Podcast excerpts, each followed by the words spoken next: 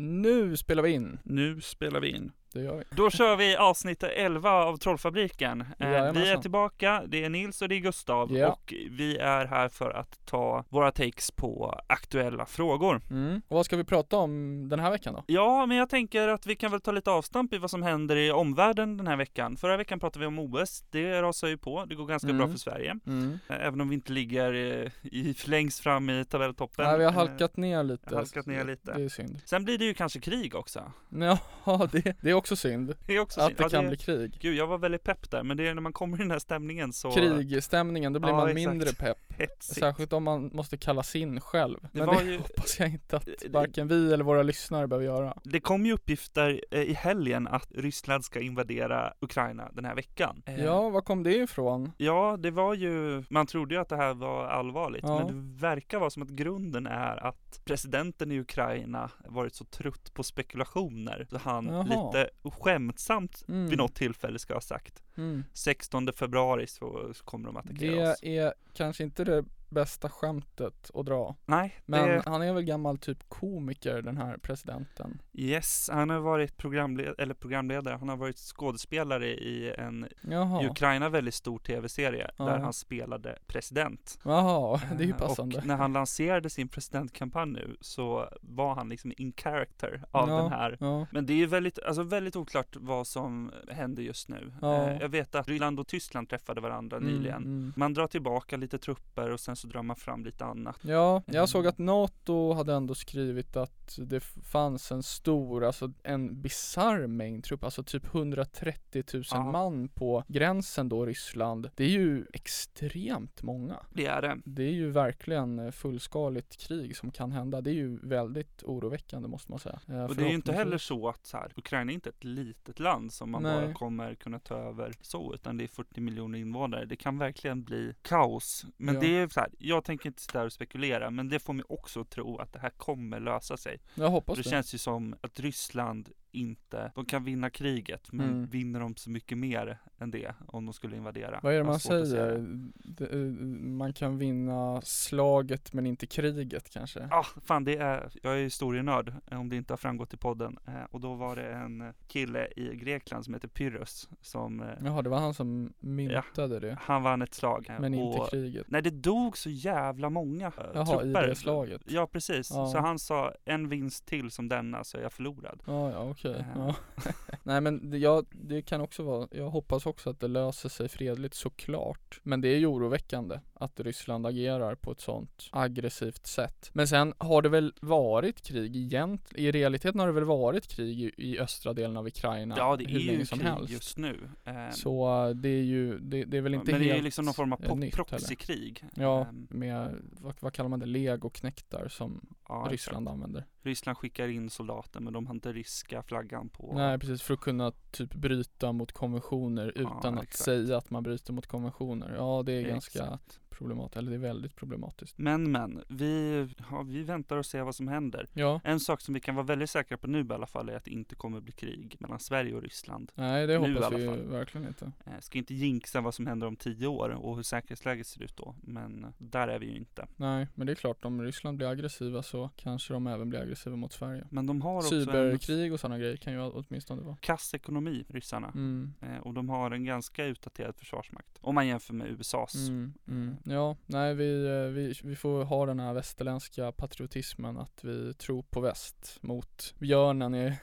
öst då. Exakt. Men nej, det bästa skulle ju vara om det var fredligt och eh, Ryssland ligger ju där Ryssland ligger, så man, de är kommer ju vara kvar. Men det hade ju varit härligare om man hade en bra relation med dem Ja, exakt. än den här relationen. Och att, eh, och det är ju, ja, nu är det ju deras fel, eh, tycker jag i alla fall, eller vi. Men det hade ju varit härligare om de inte eh, var aggressiva. Ja, exakt. En bra sak. Ja. Eh, Ja, ja. Man röstade ju i EU om att det eh, Ukraina-bidrag det gick igenom. Mm. Lite noterbart var att eh, Sverigedemokraterna Sverigedemokraterna, deras Europaparlamentariker, de ville inte stötta Ukraina. Nej, men, men eh, Sverigedemokraterna är ju notoriskt ryssvänliga, det vet vi ju sedan länge. Ja, det är märkligt det där faktiskt. Ja, det är jag. märkligt. Men, men. Jag tänker att det finns inte så mycket mer att säga om, eller det finns massa mer att säga om, Ja, om Ryssland och Ukraina. Men, eh, men kanske inte för oss. Kanske inte för oss, så kanske så stannar vi där nu och så får vi se om, eh, En beroende på utvecklingen så kanske oss. vi behöver komma tillbaka till det här. Eh, ämnet. Ja, ja, ja, visst, visst. Men vi får hoppas att så inte är fallet. Mm, att vi i mm. nästa avsnitt kan posta ut och säga att det är Ja. fred. Ja. Men annars det här avsnittet så tänkte jag att vi ska prata om en eh, text som eh, Ja. du har skrivit. Jajamensan, som när det här eh, avsnittet är ute så hoppas jag att den texten också är ute. Som handlar om ineffektivitet i rättsväsendet. Berätta. Ja, men vi alla vet ju att rättsväsendet är ju på tapeten, så att säga. Det är gängkriminalitet och det är allmän kriminalitet och det är ödeläggelse och Sverigedemokraterna och Moderaterna tycker att hela landet håller på att brinna ner. Rättsväsendet är liksom, det är inne just nu. Och rättsväsendet får jätte, jättemycket pengar. Och samtidigt som, ja de får då mycket pengar på bekostnad av andra områden ska man väl säga, för det är så statsbudgeten funkar. Man får ta pengar från ena stället och lägga det på andra stället. Och samtidigt då som att man ständigt försöker effektivisera alla andra myndigheter, typ socialförsäkring och sjukförsäkring, ja det är väl kanske lite samma grej, men pensioner och så vidare och så vidare, så ställs inte riktigt de här kraven på rättsväsendet. Utan rättsväsendet, där resonerar man så att om vi bara öser pengar på det så kommer det lösa sig alltihop. Och då har det ju hänt lite saker i veckan som jag tycker pekar på att man borde ha en diskussion om rättsväsendet faktiskt är effektivt eller om skattemedel används ineffektivt. Exempelvis eh, så var det en försvarsadvokat, offentlig försvarare som då får betalt för skatte med skattebetalarnas pengar, som har fuskat med intäkter. Han har fått betalt en timme när han har gått så 30 sekunder från sitt kontor till polishuset eller tingsrätten eller vad det är. Så vill man ju, så vill man Ja, och, och då fakturerar han alltså, jag tror det var någon sån här timkostnad på 1300 spänn liksom. Oh, fan. Ja, det är ju rätt bra. Och då kan han ju dessutom dubbelfakturera för då när han jobbar för den här klienten då som han ska hjälpa, det fakturerar han ju också för. Så det blir någon form av dubbelfakturering. Men får man göra så? Att man både får plocka från, eh, från rättsväsendet och privatpersonen? Nej men alltså han får ju betalt för skattebetalarna för att skydda den här privatpersonen. Eh, Så, så han får ju betalt så han, kan, han fakturerar ju skattebetalarna dubbelt upp. Och nej, alltså egentligen så får han ju inte göra det, men kontrollerna är så dåliga. Ja. Det finns liksom, ja det finns några i också den här Aftonbladet-granskningen som påtalar att de har märkt där och försökt göra någonting åt det. Och i vissa fall så har han blivit, den här försvarsadvokaten har blivit avstängd från, ja jag tror det var någon tingsrätt någonstans, att han inte får verka där på grund av den här typen av fusk. Men han är ändå en av de försvarsadvokater i Sverige som förra året tjänade mest pengar. Så uppenbarligen så är det liksom lucrative business att fuska på det här sättet. Och om man då får tänka sig att han kanske inte är ensam, så är det ju stora pengar som slussas ut. Och den effektiviseringen, den pratar man inte om. Nej. Men däremot så måste folk som är så cancersjuka, de måste tvingas i arbete för Men det fan, är det mest effektiva. Det känns ju som att det här borde gå att åtgärda ganska enkelt med att se till att det finns någon eller ett par stycken som jobbar med stickprover. Ja, man, man kan tycka det. Eller bara så här, alltså vi, vi lever ju ändå i en IT-värld där det borde vara ganska enkelt att liksom ha någon form av datasystem som kontrollerar, kan- det är kanske är de som ska göra stickprover eller bara här att eh, kontrollera, för han hade också exempelvis, hade han sagt att han var i Göteborg och hade tagit betalt när han var då i Göteborg. Men han var aldrig i Göteborg. Alltså han hade tagit betalt för att han var med på ett förhör, ett polisförhör. Men han var inte Men han där. var aldrig där. Nej. Och det får man reda på först när man ringer poliserna i Göteborg och frågar var han här? Och poliserna är så, nej han var aldrig här. Alltså det borde ju vara ganska enkelt att kontrollera. Ja. Alltså det borde tycker bara man. vara så att man så, jag vet inte, anmäler sig i något jävla datasystem när man går till polisen för att vara med på det här förhöret. Men det finns inget sånt system. Så han kan så säga att han är någonstans när han inte är någonstans. Och då, som jag förstår det, det kan vara fel, men både då ta betalt för resan dit och att vara där. Så det- vi snackar liksom 10 000 spänn för någonting som han aldrig gjort. Men det där känns ju som väldigt enkel, alltså man borde verkligen kunna ha ett program som Ja. ganska lätt kan köra sådana här dubbelkontroller. Jag är ju inte så mycket IT-kille, men du är ju det. Ja, det Lite mer än mig i alla fall. Kanske, ja. Jo, jo, Eh. det får man väl kanske säga. Jag tycker man ganska ofta blir förvånad över hur ineffektiva det offentligas datasystem är. Ja. Att det känns som att det blir en större kostnad att komma runt alla buggar eller att saker Mm. blir fel Mm.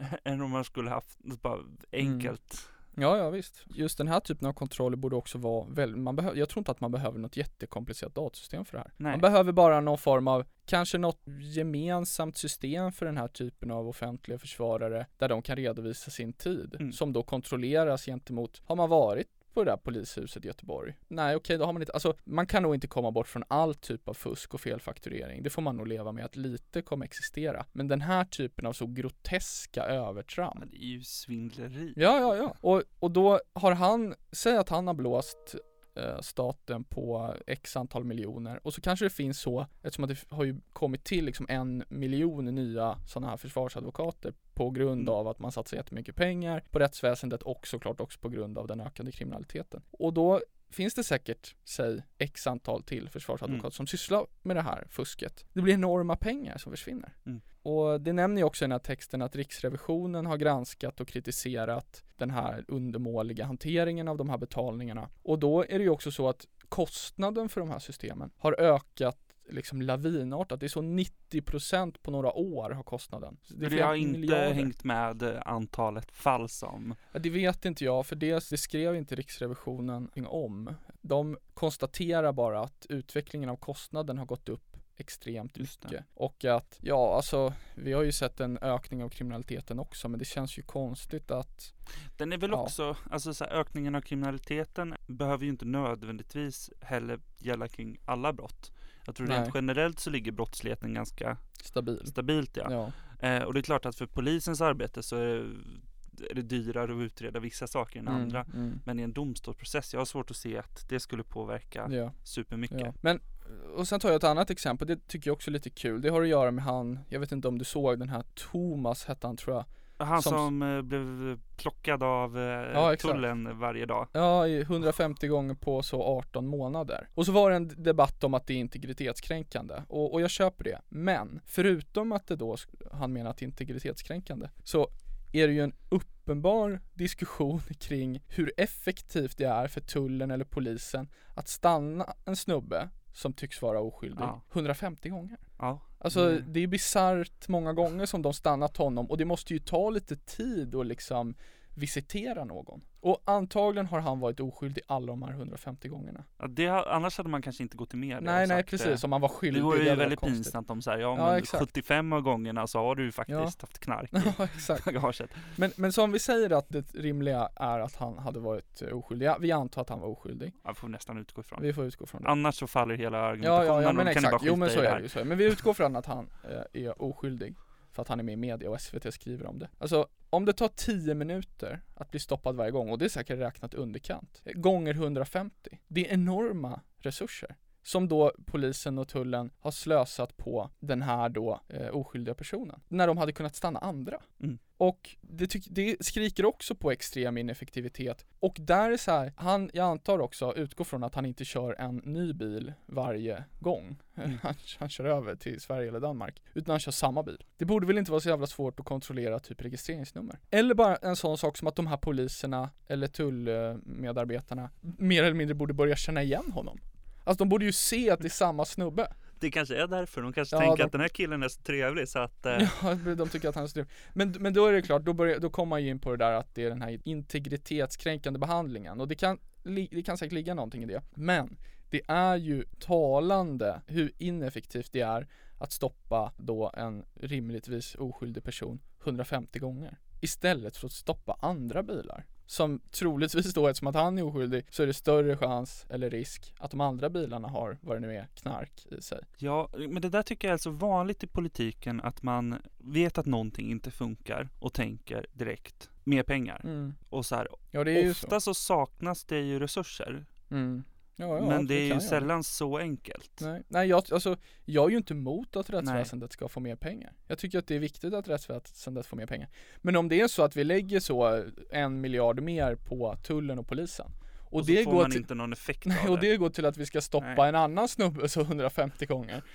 Då tycker jag det är ganska onödigt att det är så, ja tullen har stoppat 10 000 människor det här året. Men det är samma 10 personer, allihop. Nej, exakt. Det är ganska orimligt. Nej men det är väl beslag som, som någonstans Ja, ja, visst. borde vara en rimlig måttstock. Ja. Och det är det väl förvisso delvis också. Ja. Men eh, Nej men det, så det finns, och det finns ju flera exempel på när saker är ineffektiva som inte alltid har att göra med att eh, det är anställda eller eh, myndigheterna som jobbar på ett ineffektivt sätt utan snarare att vi har lagstiftning. ja. Typ det här med att myndigheter inte enkelt kan samarbeta med varandra för att få ut information. Typ Nej.